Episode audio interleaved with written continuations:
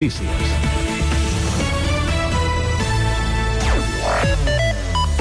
Bona tarda. Sant Cugat tindrà una xarxa de camins escolars segurs, sostenibles i saludables al centre. La iniciativa sorgida dels pressupostos participatius ha comptat amb la implicació de 14 centres educatius del centre del municipi i la coordinadora d'AFA, que han fet una diagnosi dels punts negres de la xarxa i dels aspectes a millorar. L'Ajuntament ha organitzat una sessió de treball a la Casa de Cultura on s'ha presentat l'esborrany del projecte. Serà el punt de partida d'un camí que veurà l'inici d'obres a partir de 2025 amb un, de 4, amb un pressupost de 450.000 euros. Escoltem el regidor de Participació, Francesc Duc, en declaracions a Cugat Mèdia. Doncs aquestes rutes segures doncs, que ens han de permetre no només anar als centres escolars, sinó quan sortim dels centres escolars poder anar a la biblioteca, a la piscina, als equipaments o a les, als parcs, els nombrosos parcs que té Sant Cugat, que molts cops doncs, són punts de trobada de, de quan se surten de les escoles. No? Per tant, al cap i a la fi, doncs, tots aquests projectes, doncs, això que dèiem, és una millora no només pels infants, sinó és una millora per la ciutat i per fer una ciutat més amable per tothom. El calendari de treball que va començar a l'inici del curs continua ara fins l'abril amb més sessions participatives i passejades amb l'objectiu de tenir una proposta definitiva al maig. També és notícia que el municipi va començar el 2024 amb una despesa d'aigua de 199 litres per habitant i dia, dos litres més que el consum registrat al desembre. Tot, tot i aquest lleuger increment del consum, Sant Cugat continua situant-se per sota del topall de 206 litres. Amb l'augment del mes de gener, la ciutat està per sota dels 202 litres que es registrava 12 mesos abans. El repunt trenca el descens de consum de 3 mesos consecutius que s'havia viscut en l'últim trimestre de l'any.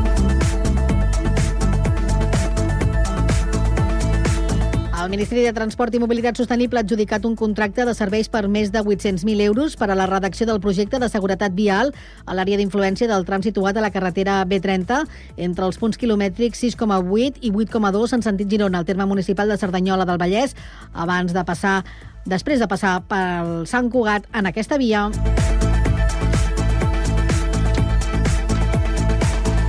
I la quarta edició de la cursa solidària BTT Transgalliners Oxfam Intermón es disputarà a Sant Cugat el 9 de juny. Aquest dimarts ha donat el tret de sortida amb la presentació de l'esdeveniment. Cada equip integrat per tres ciclistes haurà de recaptar com a mínim 600 euros que es destinarà a impulsar projectes de subministrament d'aigua a Kènia. Res més per ara. La informació torna d'aquí una hora a la mateixa sintonia i constantment a internet a www.cugat.cat.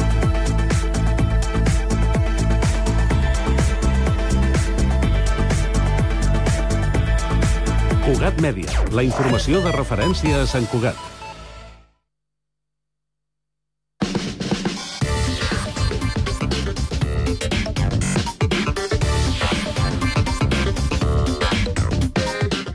De la tarda, 3 minuts, inici de la segona i última hora d'aquest Connectats de dimecres. Informació de servei, comencem com sempre amb el trànsit. Roger Serra, bona tarda. Hola, què tal? Bona tarda. En general, calma, com és habitual en aquesta xarxa viària. Comentar unes obres que s'estan realitzant a l'autopista del Vallès, ja en el tram de la C16, molt a prop de Terrassa. Està provocant cua, aquí sí, un parell de quilòmetres en aquesta autopista, com et deia, la C16, dos quilòmetres de cua a la zona de Terrassa, en sentit nord, sentit Manresa, és a causa d'unes obres. De moment, a la resta de la xarxa viària, poca cosa més. Encara parlem de circulació relativament tranquil·la. Gràcies, Roger. Bona tarda. Bona tarda. Anem al Transmet ara. Ja hi tenim Albert Garran. Doncs destaquem novament a Rodalies que la línia R4 circula per via única entre Sabadell Sud i Montcada Bifurcació per robatori de cable de catenària. Aquesta restricció de capacitat només permet que circulin dos trens per hora i sentit. També a la línia R7 circula entre Cerdanyola i Cerdanyola Universitat amb bus i la resta del trajecte només hi circulen els trens de la línia R4 amb restriccions. Pel que fa a la resta de la xarxa, parlem de moment de normalitat i no destaquem més alteracions significatives. Així que, de moment això és tot des del Transmet.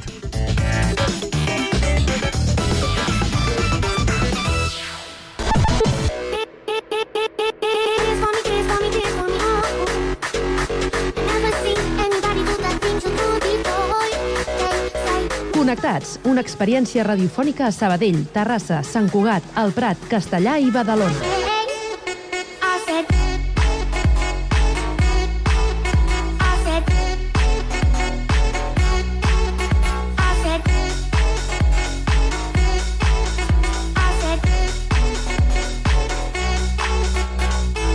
Connectats amb Carme Reverte.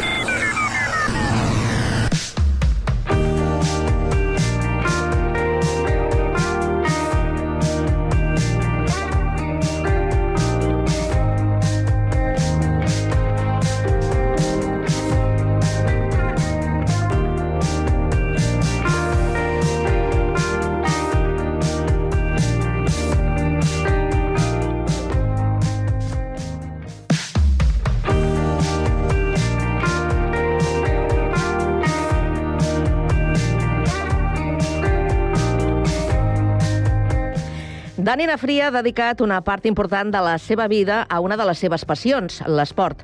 Podríem dir que des de 2021 aproximadament no competeix, però durant la seva trajectòria esportiva com a paratriatleta han estat molts els reptes que ha superat. Enguany ha estat elegit ambaixador dels Premis d'Esport en Marxa de Cugat Mèdia, que es lliuraran dimarts que ve al Teatre Auditori. Dani, bona tarda. Hola, Carme, què tal? Escolta, com vas reaccionar quan et van trucar i et van donar la notícia que series l'ambaixador d'aquesta edició dels Premis? Home, eh, inicialment vaig haver de preguntar bastanta cosa i per, per ubicar-me, però em va fer molta, em va fer molta il·lusió, no? Eh, que, que pensin en tu és una manera de, de reconèixer eh, el que has fet, no? O que ten, tenen en compte com a, com a imatge, justament, Mm.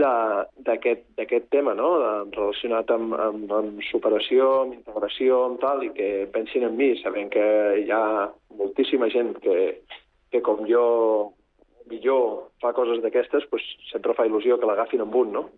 Perquè, clar, eh, tu, de fet, és eh, Sant Cugatenc, tot i que ara mm, ja fa eh, un temps que no, no hi vius a, a la ciutat.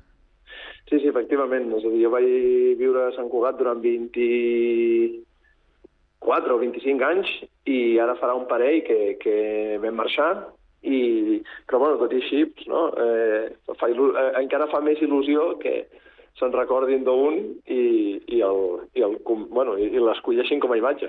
Però continues vinculat a la ciutat? Tu tens a la teva família aquí, no? Jo tinc els pares aquí, però, bueno, no, no sé quant, no sé quant temps més estaran per aquí. Mm. També estan mirant a veure si... a veure què fan. Però sí, eh, sempre, Sant Cugat sempre serà important per, per, per mi, pels pares, i, i inclús per, per la meva dona, o sigui, el que és la, la meva família al complet, no? Perquè mm. hem passat molts anys en aquí. Escolta, tu no has estat mai eh, professional de l'esport i això t'ha obligat, eh, quan competies, a treure hores d'on fos. Com recordes aquella època eh, on hi dedicaves més temps a, a l'esport? Eh, bueno, és una època molt maca, no? Almenys eh, sempre m'ha agradat, sempre m'ha agradat fer esport i jo, jo he fet esport sempre, no? Diguéssim, ja aquest lapsus per dir-ho d'alguna manera, de poder competició més sèria, que, que vosaltres a través dels mitjans també heu conegut, no? però clar, jo he fet esports des de sempre, des de molt petit, no? I, i llavors és una cosa que, que sempre he portat amb mi i, i llavors aquella època pues, la guardaré i si en algun moment puc, no serà el mateix probablement, no? perquè vaig tenir la sort de poder fer tantes coses és que vaig tenir, tot i haver de treure hores, eh, moltes ajudes econòmiques, no?, de patrocinadors eh, privats principalment, la, la MD allà a Valdorells també em va ajudar molt, i, i llavors pues, això feia que jo pogués ja no inclús treure hores, sinó invertir-les. És a dir, va, jo eh, vaig a dormir més tard, però perquè sé que d'aquí un mes tinc un bitllet comprat per marxar eh, i anirem a córrer allà, i llavors ho preparem. Llavors, poder això dels viatges o això de marxar a competir més lluny, poder quedi aparcat, però sí que, bueno, espero en algun moment poder tornar a dir, va, plantejo un calendari, dos, tres cosetes, i a fer-ho el millor que em surti, no? una mica així. Uh -huh. Hem de dir que l'any 2000 eh, és un moment, eh, diríem que important a la teva vida, perquè eh, et van haver d'amputar la cama esquerra a causa d'una neurofibromitosi òssia. Va ser una decisió difícil? Eh, per mi sí, però jo crec que és més, la, la decisió més difícil és pels meus pares, no? que són qui la prenen. Jo tenia 11 anys eh, quan, quan m'operen el, el 8 de juny, no? Llavors, pues, bueno, eh, jo recordo que sí que vam, vam patir, no? Els pares devien patir molt més i, i ho van dissimular molt bé. Però... I, I llavors jo recordo, per exemple, que vaig estar una setmana emprenyat amb el meu pare, no? Els meus pares, allò, anem patint, no? I jo no, no us parlaré perquè a mi no em tocarà ningú eh, què m'heu fet i tal, no? Però, però bueno, a poc a poc jo li, jo ho vaig assimilant, no? Tinc un, tinc un un pèl ràpid, i, però després assimilo les coses. Mm. I, I ho vaig anar assimilant, i vaig anar fent preguntes, i vaig anar mirant coses, no? I una cosa que vam dir, bueno, pues, jo vull saber si jo puc tornar a jugar a futbol. Clar. Perquè si no, si no puc tornar a jugar a futbol, a mi no m'opera ningú. Perquè, total, no? És el que sempre faig la mateixa broma, dir, ara no sé què es fa, eh, ho sabré aviat, suposo, amb, amb els nens, però a la meva època es jugava a futbol, no? o, o gairebé no es feia res més. Llavors jo, amb, amb 11 anys, doncs no hi havia res més, ni, ni, ni estudis, ni carrera en un futur, ni...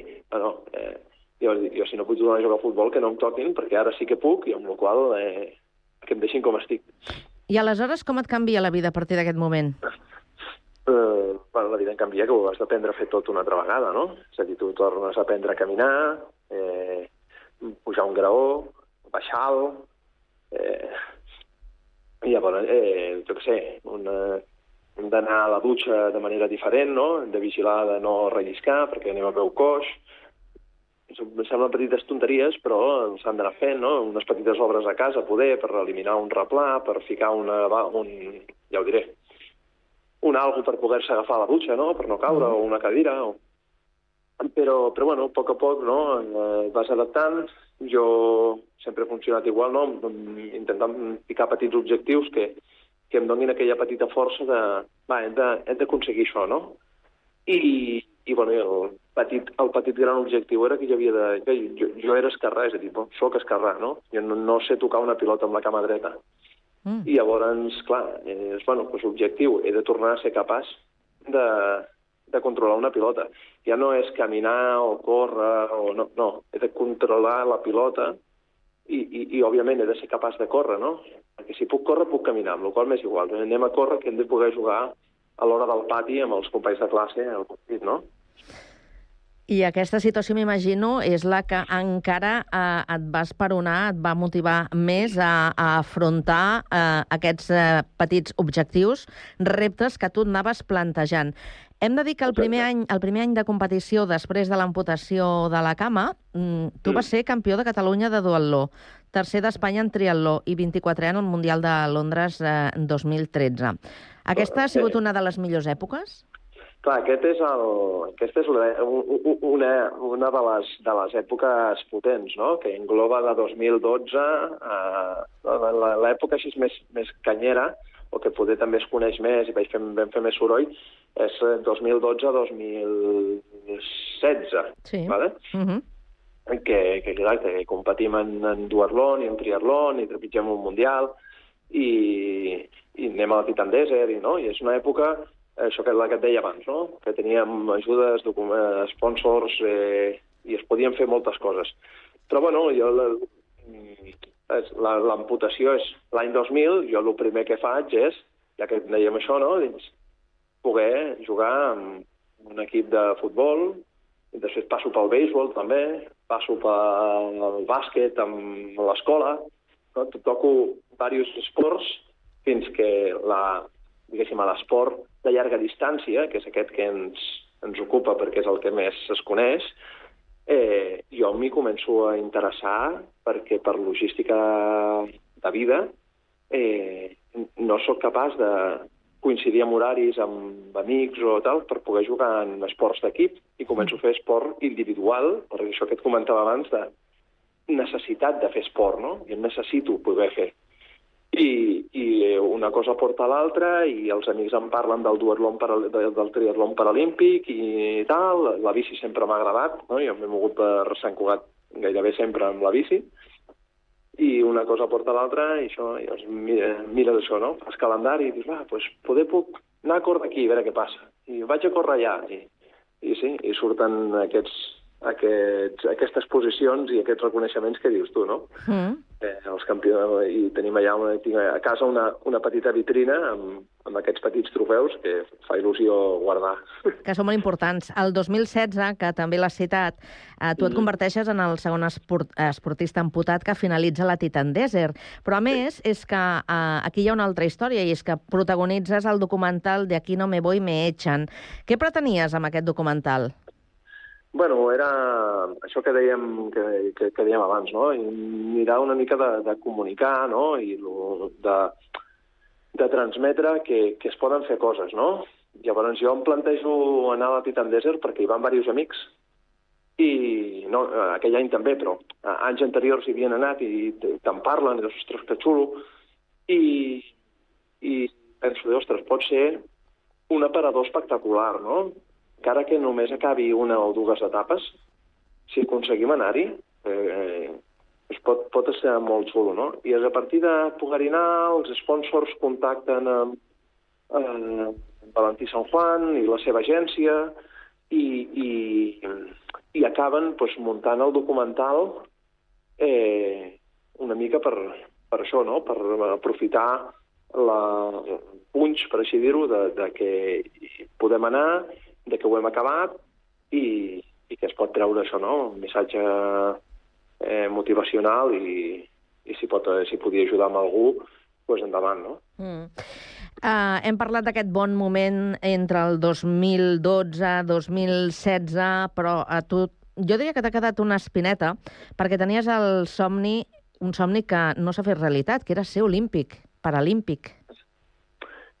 Sí, és, és veritat que, que estaven allà, no?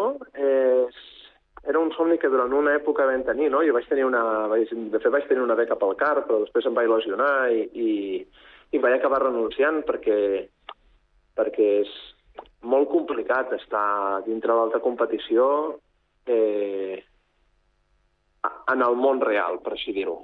No? L'atleta que està en alta competició normalment està cuidat i, i es vigila perquè aquella és la prioritat. No? En el meu cas, poder no ho he acabat de ser mai i poder per això no hi hem arribat, Mm. però també és veritat que, per exemple, l'esport paralímpic econòmicament és, és, és nefast, no? I llavors uh, jo pensava també, dir, ostres, eh, jo vull tenir una família.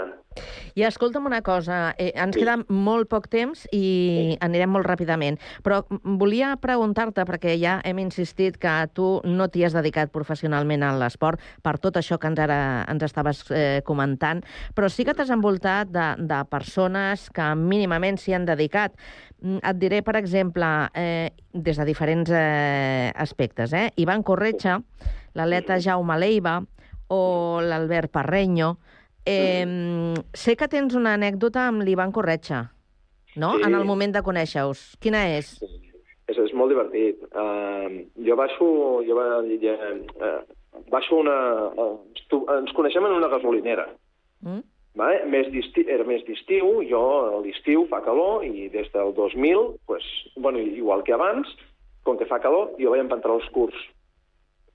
Vale? Sí. Sempre. Fa calor, doncs pantaló curt.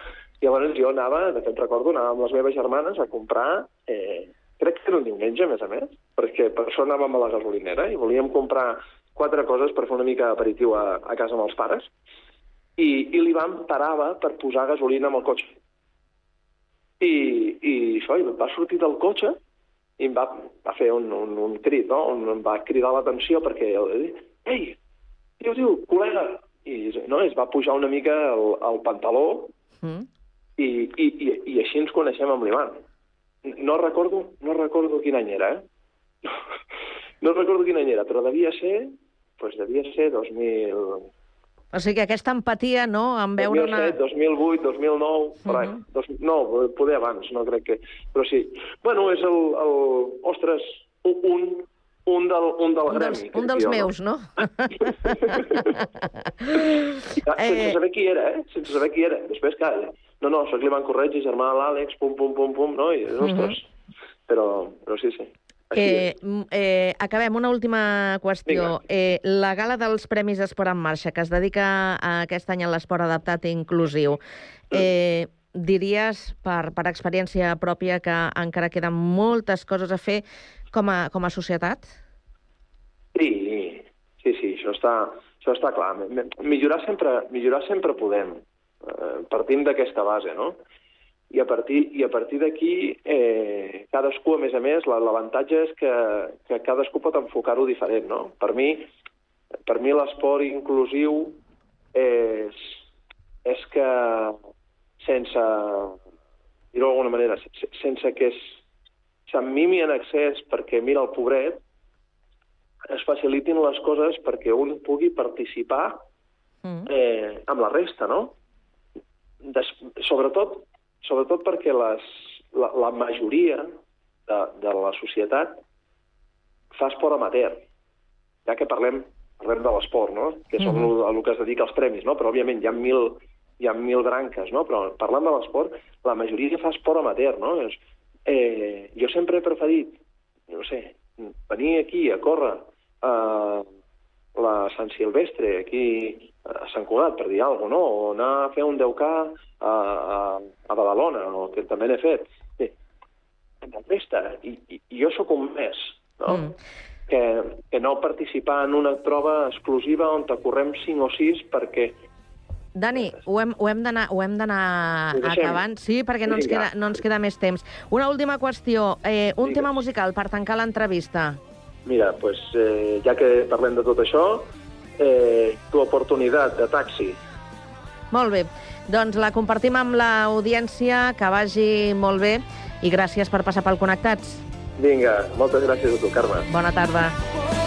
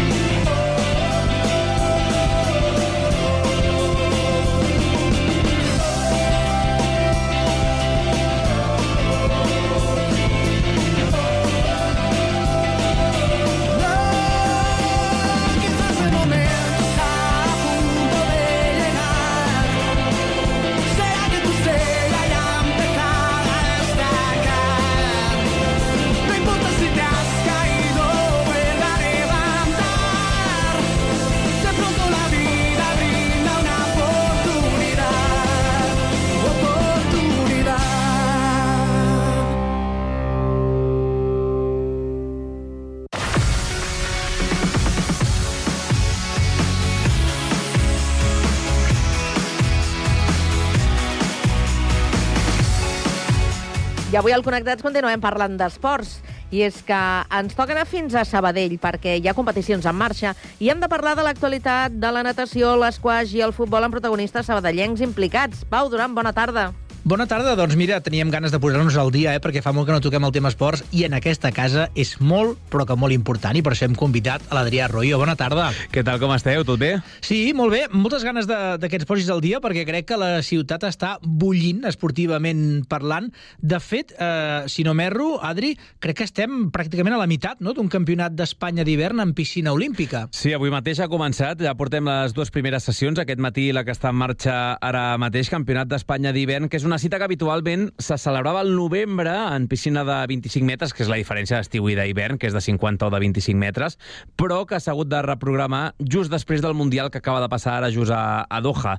Per això aquí a Sabadell eh, hi ha 15 dels nedadors espanyols que estaven presents allà en el Mundial, únicament són baixa aquells que habitualment entrenen no aquí, sinó als Estats Units, és a dir, doncs el tarragoní Carles Coll, que, que és del Natació Sabadell, o el campió del món Hugo González, que és el nom que més ha sortit a la llum en els últims dies després del seu hora allà a Doha. I, de fet, un dels principals reclams serà una ex del Club Natació Sabadell, com la Mireia Belmonte, que reapareix a nivell estatal per primera vegada, i es diu aviat, des de l'estiu del 2022. Toma, o sigui, fa més d'un any que no competeix. Sí, sí, any i mig, tranquil·lament, o sigui que tornarem a, a tenir-la, o la tenim aquí, de fet, a Sabadell des d'avui, i per tant aquest campionat d'Espanya de, d'hivern té aquest punt de, de reclam. Vinga, va, doncs aviam com li va. Per part del Club Natació Sabadell, eh, una trentena, no?, de representants? Sí, 28 en, en concret. Lidera l'equip un altre mundialista, Sergio De Celis, present en els 50, 100 i 200 lliures i també els 50 i els 100 papallona. Ja saps que això de la natació et porta a nedar moltes distàncies diferents. I també Marina Garcia, una altra de les veteranes en categoria femenina. A, a tot això, per ser important, aquest Open no té repercussió en els bitllets eh, del Campionat d'Europa de Belgrat del juny, ni tampoc per París 2024, pels Jocs Olímpics. Per tant, ah. únicament serà classificatori per l'europeu júnior de Lituània, de Vilna, al mes de juliol. Això vol dir, per tant, que hem d'esperar una major participació d'aquestes categories d'edat, no? Sí, se suposa que la gent que busca aquest bitllet sí que s'ho prendrà més seriosament, però igualment després d'un Mundial com el de Doha no tens aquest punt de jugar-te una mínima, però en tot cas sí que, sí que té bon paper sobre, sobre el cartell. La veritat és que fa bona pinta. Molt bé. Va, doncs, eh, deixem la piscina, sortim, ens assequem i ens anem cap a la pista d'esquaix ràpidament. Vinga, que... No, no a prop, eh, per això. No, no queda molt a prop, precisament, eh? Sí, Tenim... potser t'asseques pel camí, eh? Va, parlem de l'Iker Pajares, que debuta aquesta nit, precisament, al Windy City Open de Chicago. Sí, ho fa després d'haver aconseguit una, una gesta, realment. Ha arribat a la final de l'Squash on Fire Open de Washington fa res, fa uns dies, eh, categoria bronze, per cert, de, del circuit PCA d'esquash, que seria l'equivalent al ATP del tennis, per si la gent Val. va una mica perduda. I després d'això ha, ha fet un bon mos a la classificació, era el 20è del món, i ara mateix el del tennis Sabadell ha aconseguit el seu sostre, de moment, en el que portem de carrera, 15è del món. Home, 15 està molt bé, no, Adri? Home, només hi ha 14 millor que ell eh, en tot el rànquing mundial. Així ha digerit la notícia d'aquests 5 llocs que ha guanyat de cop i volta Iker Pajares, àudio, per cert, des dels Estats Units. Molt bons punts, eh, molt bon resultat, que em donen moltíssima energia, és, és gasolina per, per seguir en la temporada. He entrat per top 15 per primer cop a la meva carrera, que tampoc m'ho esperava en aquesta temporada ja a principis d'any i, de fet, ara té l'opció d'escalar algun lloc més en un torneig que és platí, per tant, més difícil, més calés, més punts també en el rànquing i amb els millors esquaixistes del circuit. Pajares, eh, sobre el paper, té un quadre força favorable fins als vuitens de final, ah. Aquí, això sí, es creuaria amb el número 1 del món, eh? amb l'egipci Ali Farag, paraules majors, però sí que pot anar avançant alguna que altra ronda, el que li donaria més punts també de cara a aquest rànquing mundial. El sabadellenc n'és conscient d'aquest punt, d'un sorteig assequible que ha tingut, i espera, sobretot, recuperar-se a temps de la fatiga, perquè, com dic, va jugar a Washington fa tot just 3 dies, viatge de Washington a Chicago i directe gairebé a la pista. Un gran slam, aquí eh, altre cop als Estats Units, poc temps de recuperació, tinc dos dies, espero recuperar bé perquè bueno, estic bastant carregat muscularment, però bueno, emocionalment estic també carregat amb les piles a tope i el cap, el cap està al lloc amb, amb moltíssimes, moltíssimes ganes de, de fer-ho bé. Tinc un bon, un bon quadre, eh, sincerament, que si aconsegueixo recuperar i aprofitar-lo, doncs eh, encara m'ajudaria a pujar una miqueta més en el rànquing, eh, cosa que seria increïble. Així que partit a partit i a veure si, si podem tenir una altra sorpresa aquesta setmana. Et deia que la natació estava en marxa des de quarts de 10 del matí. En aquest cas, evidentment, el canvi d'hora no, no ajuda. El seu debut, dins, dins de tot, no és mala hora, eh? però, però pel que podria ser Estats Units, eh, estem parlant de tres quarts de 10 de la nit, hora d'aquí. Mare de Déu. Però a vegades ha tocat eh, seguir-lo de matinada per allò de la diferència horària. Arrenca contra el jugador de 25 anys, Andrew Douglas, el número 51 del rànquing mundial, i amb el qual no té cap precedent, però vaja, sobre el paper és el 15è contra el 51è, favoritisme clar pel jugador d'esquaix sabadellenc. Clar, però ara m'he quedat amb això que el que comentava ell i que tu has dit abans també, de que una cosa és la posició al rànquing, L'altre també ha de ser importantíssim, un home com ell que va per tot el món competint, els dies en què aconsegueixes recuperar o no eh, un torneig de l'altre, el jet lag que agafes, per exemple, no? perquè eh, si aquest torneig, en lloc de quedar-se allà als Estats Units, hagués de tornar cap aquí a Europa, llavors és quan el jet lag et matxaca, no?, del viatge? Perquè et facis una idea, va competir a l'Squash on Fire Open a Washington DC eh, tot just dos dies, tres, després d'haver-se proclamat campió d'Espanya. Va competir a Santiago de Compostela i des de Galícia ja no va tornar a casa, sinó que va marxar de Galícia directament cap als Estats Units. S'ha de dir tot, la primera ronda de, de la cita a Washington va ser contra el seu company de selecció, Bernat Jaume, per tant, aquí estaven equilibrats i venien de jugar a la final a Santiago entre tots dos. Uau. Per tant, el desgast era el mateix. Però sí, sí, en aquest circuit eh, PCA de squash és bastant habitual l'agafar la maleta, te'n vas a l'altra punta del món, jugues un partit, si el perds tornes cap a casa, però vaja, que, que un dia més de descans en aquest sentit és clau per poder afrontar amb garanties un torneig com aquest, que a més és platí, l'altre era categoria bronze, per tant aquest és més difícil, rivals més complicats, i l'única part bona és que estar al 15è del món ara et permet a l'hora de fer, per exemple, el sorteig del quadre, doncs tenir unes primeres rondes més assequibles i, per tant, menys fatiga. Clar, està molt bé. Bueno, ara t'haig de treure el tema que ens fa il·lusió, perquè, perquè quin any que portem, quina temporada que estem patint, Adri, Estem però en horari fi... infantil, no, encara? No Sí, podem sí. dir que hem menjat molta d'allò, no? No. No, no, no, no, no. Ho, ho direm suau, però escolteu, parlant de futbol, el Sabadell per fi ha tret el cap del descens quatre mesos després de posar-hi el cap, els peus, la cintura i estar enfangats fins al capdamunt. Vam estrenar el 2024, 8 punts per sota i amb la possibilitat que si es perdia aquell dia contra el Tarazona eren 11 de desavantatge. I ara mateix està per sobre ja, i tot just som a mitjans de, de febrer, per tant la reacció ha estat realment impressionant, però feia 126 dies, o t'ho dic d'una altra manera, 17 jornades que el Sabadell malvivia dins de la zona de descens. Per tant, és com agafar aire, respirar i dir, vinga, ara el que queda de temporada amb les piles carregades. I el mèrit d'això és com matxaca el coco, el, aquesta situació, no? que vas veient que és una setmana i una altra, i ara en 5 i ara en són 8, no? Potser de portes en fora no tant, però fora de micròfon sí que algun que altre jugador et reconeixia que tenien la sensació que no eren capaços de guanyar a ningú en la ratxa aquella de set derrotes consecutives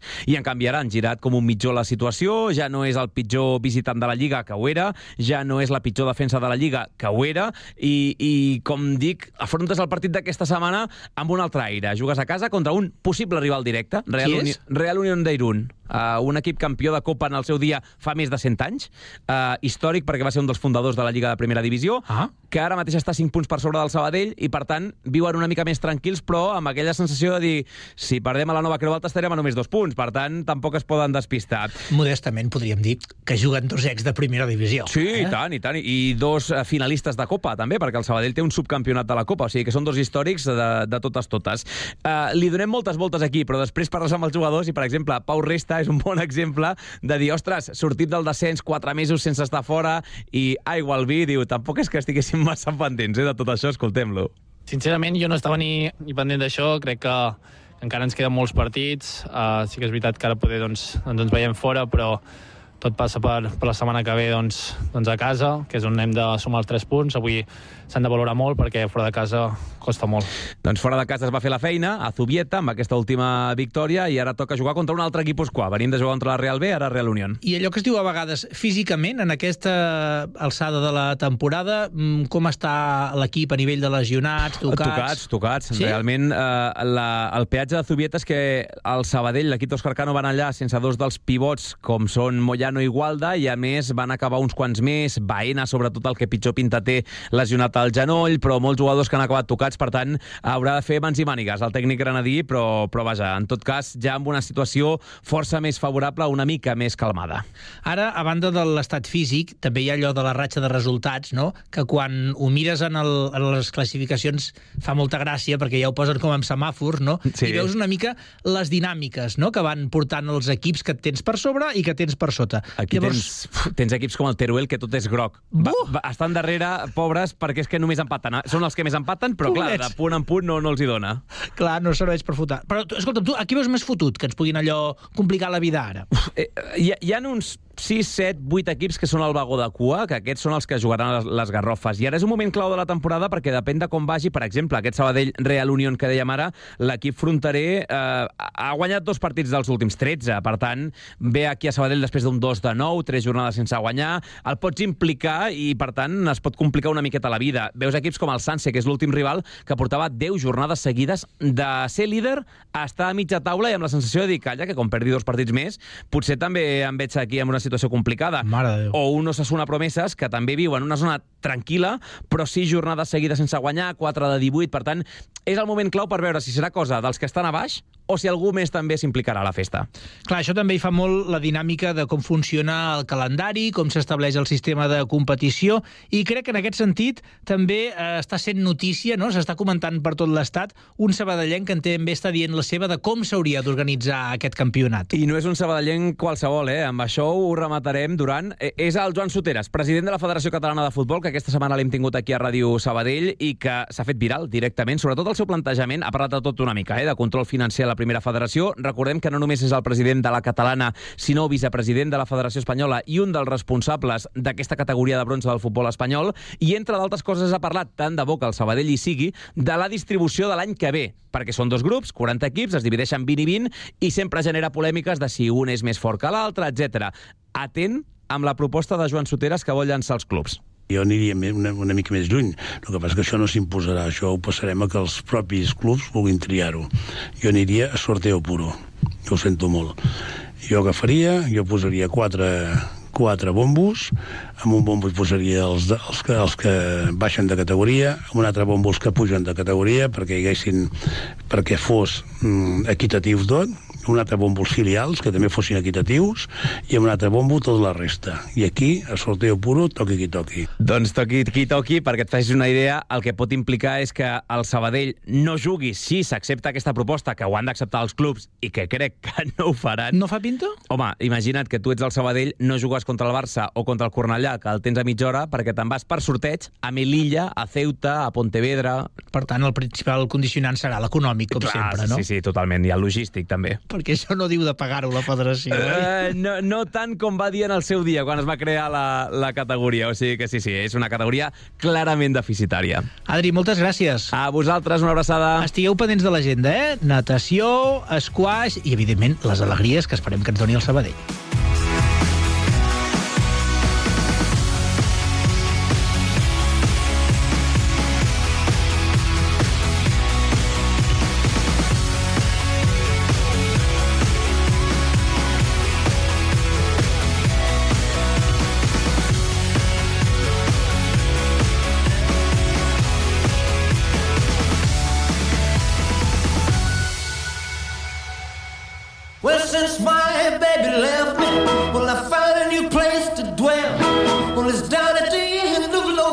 Street, that heartbreak hotel where I'll be.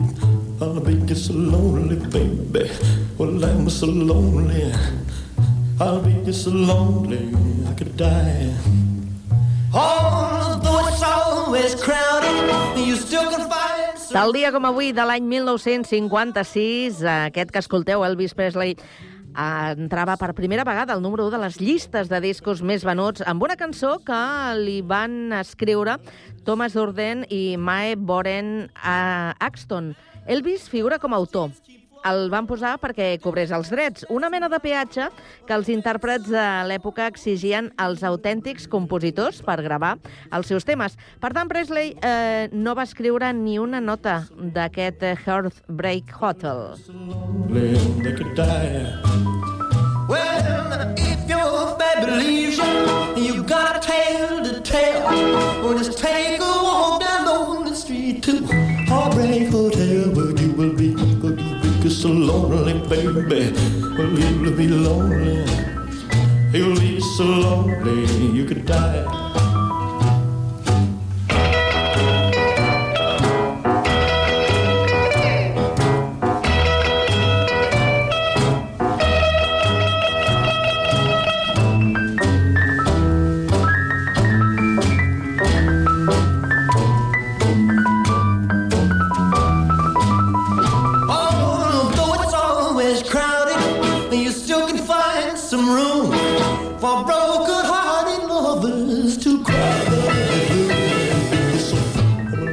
So lonely, baby.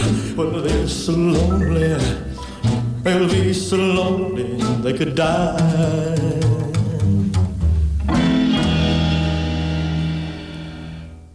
La lluna es posa vermella quan descobreix el teu art. I ens hi posem tan fort que portaríem la vida a mar. Quan els dos som un,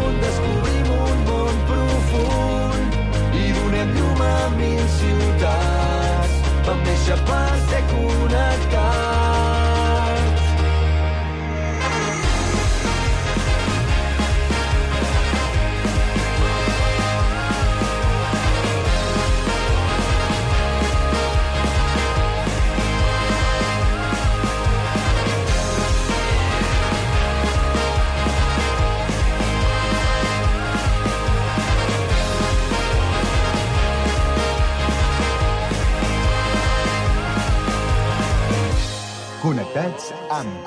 amb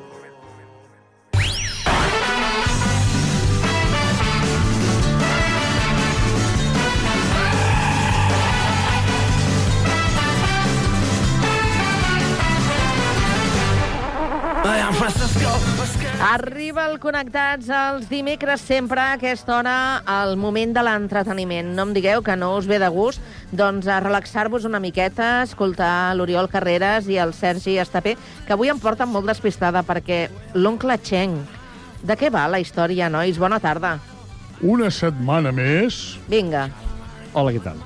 Has dit coses d'ara. Ah, coses d'ara, coses No, d'ara. ara ja està. Bueno, ja tornem-ho a fer. No, bona no, no, no, que, que... No cal, no cal. La pala, la cita i aquelles coses. No, però si és en directe. Ah, és en directe. Val. Sí. Uh, escolta'm una cosa, um, què et volia dir? Què? Mm, què, què em portes avui? Què, em- Doncs mira, què- coses, què em coses, deleites? notícies, coses que vaig recopilant, coses. Molt Com bé. estàs? Com estàs, Sergi? Bé, bé, bé, sí? bé, bé, Esteu bé, tots bé? bé, bé, sí? bé, La bé, família bé? bé, bueno. bé, bé, bé. Hi ha, hi ha gent que ho fa això, eh? Que ho pregunta, diu, què, com estàs? I bé, bé. I a tu t'agrada molt que et diguin, va, treballa, gandul... No, no m'agrada. No t'agrada gens. No m'agrada perquè m'ho dius tu i no em fa gràcia. Però el... No es diu mai, això, eh? Va, No, però quan, quan dius això de com estàs, bé, bé, ja, ja no t'escolten el bé. Ja diuen, com està la família, bé, bé. Ja, quan diuen la família, tampoc li importa a la persona, no. saps? Realment són preguntes que no importen. No importen. No importen per com, res. És com dir bon any. I tu què t'importa? Si t'importa? bon? Si el meu any és una merda. Sí, sí. Hi ha gent que a l'abril encara et diu bon, any, eh? sí, sí. Hi ha gent que al desembre et diu bon any, que s'acaba ja. Ja ho tenim aquí, eh? D'aquí no res. O, mira, jo... Tinc ganes de que sigui el 8 de gener ja, perquè... Jo estava amb una gent que eh, estaven celebrant el Nadal i, de, i va dir d'aquí no res, ja l'estiu, eh? Dius, bueno, escolta, tranquils. Keep, keep calm. Tranquils. Bueno, uh, mira, parlant de tranquil·litat, uh, la tranquil·litat que porta l'oncle Chen, ens farem amics de l'oncle Chen. Saps qui és l'oncle No. Chen? És una persona... Mira, aquí a Terrassa ja saps que tenim la mitja marató, el que surt per les orelles, eh? La Sí. mitja marató. Quan hi ha la mitja marató, ah, mitja marató, mitja marató, ara cap aquí, ara cap allà... Marató o Mataró? També, també a Mataró fan maratons. Um, que és una cursa que es fa molt popular, eh, aquí a Terrassa. Popular. Doncs uh, parlem d'una persona que li agrada córrer les maratons, és l'oncle Chen, i ho fa d'una manera molt peculiar. Eh? Té, escolta, una bona, un bon estat físic. Pues oncle d'aquí. Ja veuràs, ja veuràs. Mm. Mira, tenim música que il·lustra. Aquesta, aquesta és la música que es posa, l'oncle Chen. Es tracta d'un atleta xinès que va saltar la fama el 2022 perquè no per aconseguir marques, precisament, no per aconseguir allò, la, una marca brillant que, no sé què, en un segon arriba... No, no, no, no. Perquè mentre corre, l'oncle Chen fuma. Què dius? Sí, sí, fuma, no para de fumar. Per què fumo? Un Fuma cigarro, un cigarros, puro, fuma. És igual, tu li... Allò típic que el públic dona aigua i coses d'aquestes... Llavors, li què fa? Fuma. És el típic que amb el cigarro Fuma. fuma, i va deixant el fum No. o se'l va traient amb la mà? Se- Se'l deixa a la boca I va traient el fum. i va... Sí, com una, com una locomotora. Sí. Doncs el- l'oncle Chen, aquesta última marató que va córrer, eh, va córrer 42 quilòmetres en 3 hores i 33 minuts. I quants paquets de tabac? Bueno, clar, tu compta, doncs, a, a, cada, a cada quilòmetre, doncs, un paquet, segur, segur, o més, o més, no? A cada quilòmetre, que ets animal. El cas és que no, no, no fuma constantment, però sí que Ah. estones, perquè diu que així d'aquesta manera els pulmons s'obren, Ah, saps? quants anys té el senyor, en Chen? Bueno, a veure, el DNI tampoc el tinc, Ah. no, no tinc l'edat. No, però és ja un senyor grandet, eh? És un senyor grandet, per les Jo imatges. sóc un senyor grandet, ja, també. Ah, quants anys tens tu? Jo, eh, 32. Ja. Ja, ja, ja, ja, ja. Bueno, segons diu eh, l'organisme de la Marató, eh, i segons un article, el 2.12 diu que a les normes i regulacions de la Marató de Xiamen, que és on disputava aquesta marató l'oncle Chen, eh, estipula que comportaments com defecar a l'aire lliure, fumar o trepitjar flors o espais verds, poden comportar la desqualificació de la prova. És a dir, ell infringia la de fumar, no de facar. Però aviam, és que tu pots córrer fumant, inclús corrent pots xafar, però clar, posar-te... Bueno, clar, sí, també pots defecar corrent, sí. És, Escolta, és més complicat, He eh? dit de facar a l'aire lliure, eh? Ah, o sigui, parar i dir, toma. I que et vegin. Home, s'ha donat, s'ha donat en maratons que... S'ha donat en maratons de gent que no ha arribat, eh? I no estic parlant de la meta. Saps? Vull dir que... Ha passat o no ha passat, això, Va, Sergi? tu, Tu...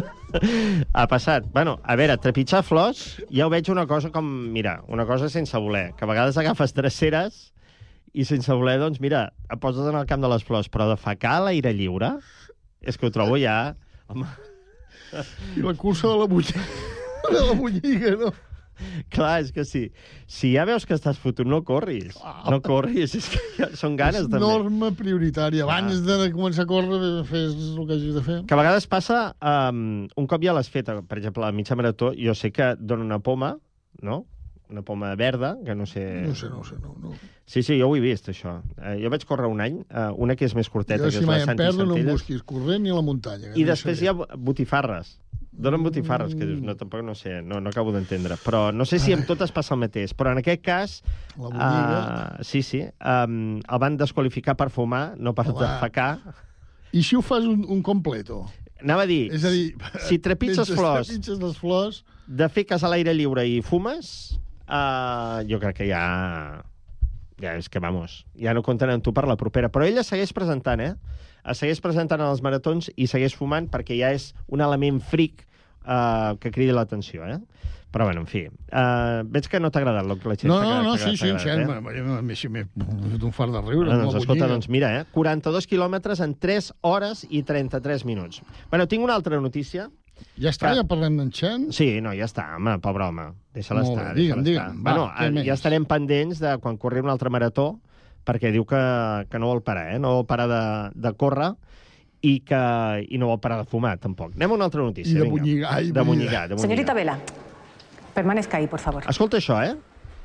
Sí, sí, estic Ahora sí, buenos días, ya pueden sentarse. És una escola. ¿Yo también? No, És una sèrie, ¿Tiene usted alguna Ara, ja, ara ho excusa explico. para explicar el porqué de que haya llegado tarde cuando la clase ya ha comenzado? Ya sabe lo que le toca, ¿verdad? Del palo, eh? Deje la cartera en el pupitre y contra la pared, de pie y con los brazos en cruz, por favor. Contra la pared. ¿Dónde están las Islas Baleares? Estem escoltant, no, no, això és un programa, un reality, que feien tipus Gran Hermano, però ambientat als anys 60. Sí, de, com una escola, sí. I llavors eh, el que feien recrear eh, tota una sèrie de situacions que es vivien aleshores en l'època franquista, sobretot. Sí, sí, I sí. en aquest cas és una escola on una professora eh, castiga a l'alumne i eh, doncs la posa en braços en creu, un Mhm. càstig que era molt habitual aleshores.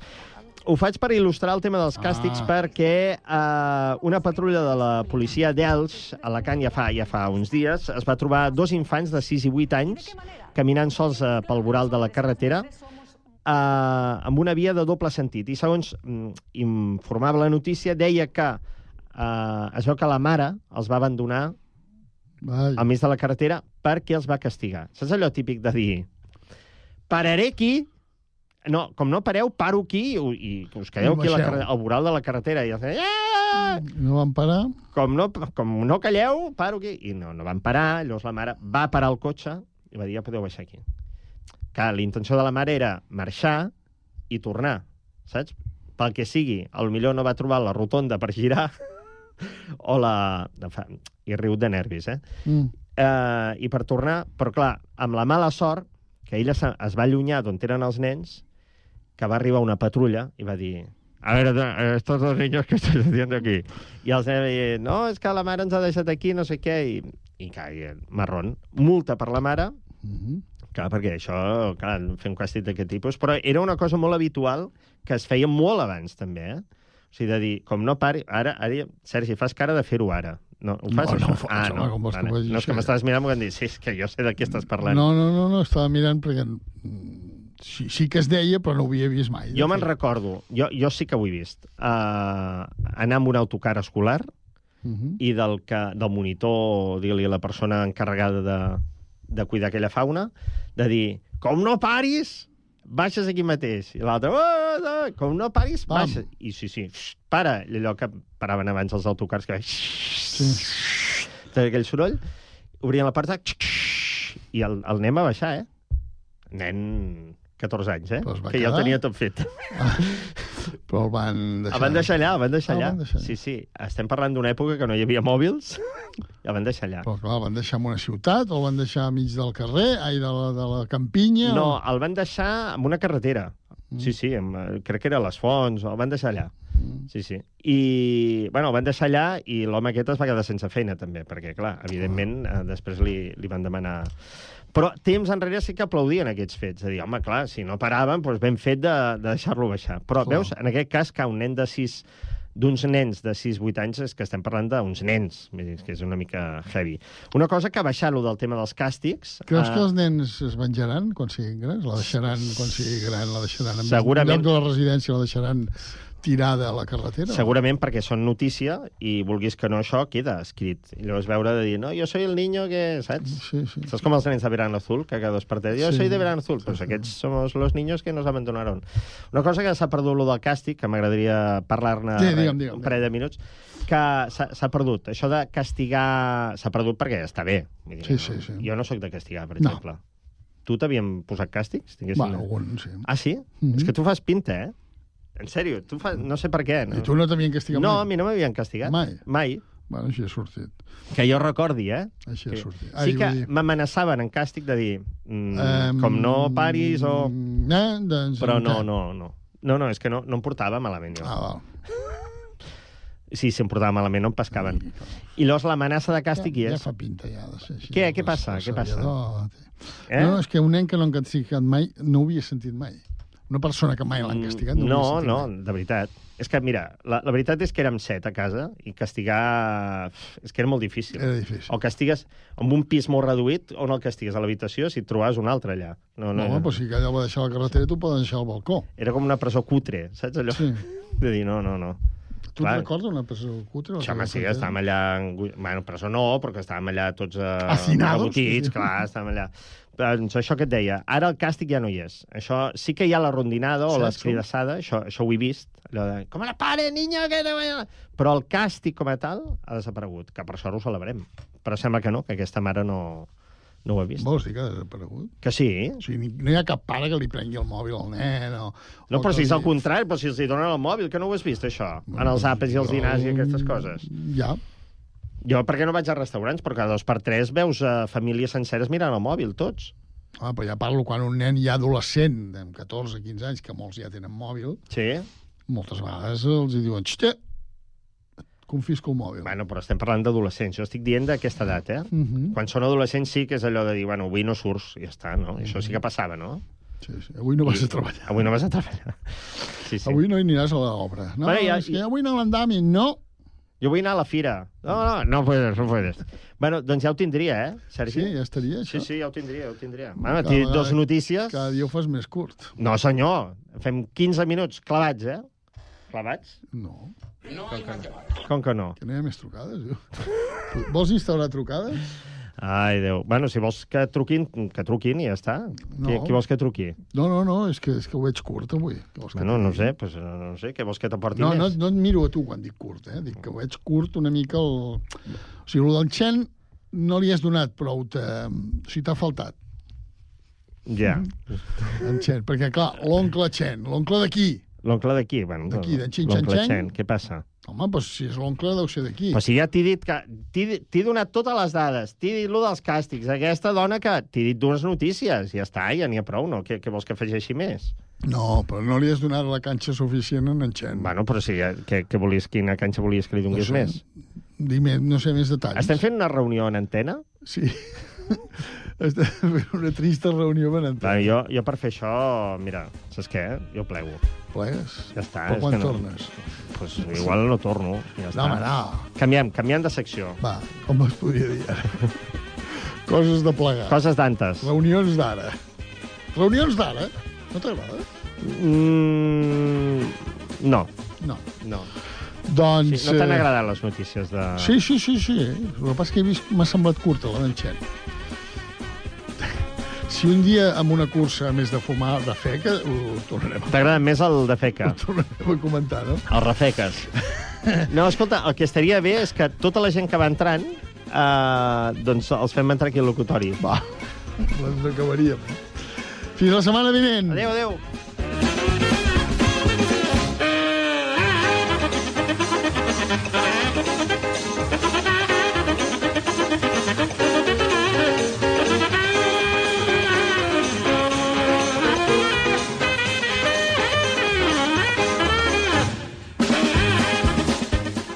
Doncs eh, avui ja hem tingut aquesta dosi dels dimecres, eh, aquest, aquesta estona de relax, d'entreteniment, de jijiji, de jaja, amb el duo... No, no són els, els sacapuntes, però, però vaja, que són molt peculiars, eh? L'Oriol Carreras i el Sergi Estapé, gràcies, companys. Fins la setmana que ve amb eh, noves propostes, eh? Del Coses eh, d'ara. Bé, doncs fins aquí arriba aquesta edició de dimecres del Connectats. Gràcies a tots per haver-nos acompanyat. Ja sabeu que demà continuem.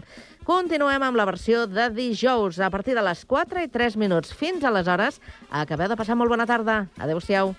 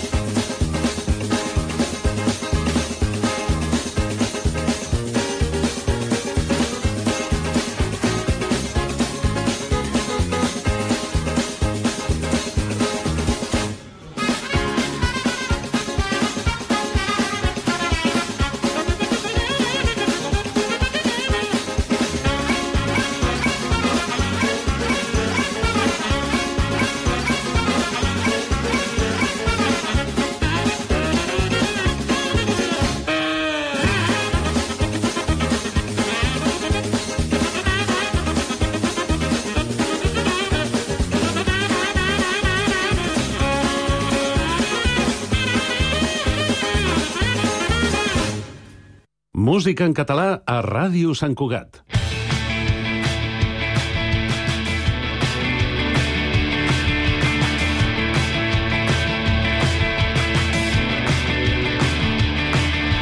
No sé si és el fred, potser és el fum, potser el so de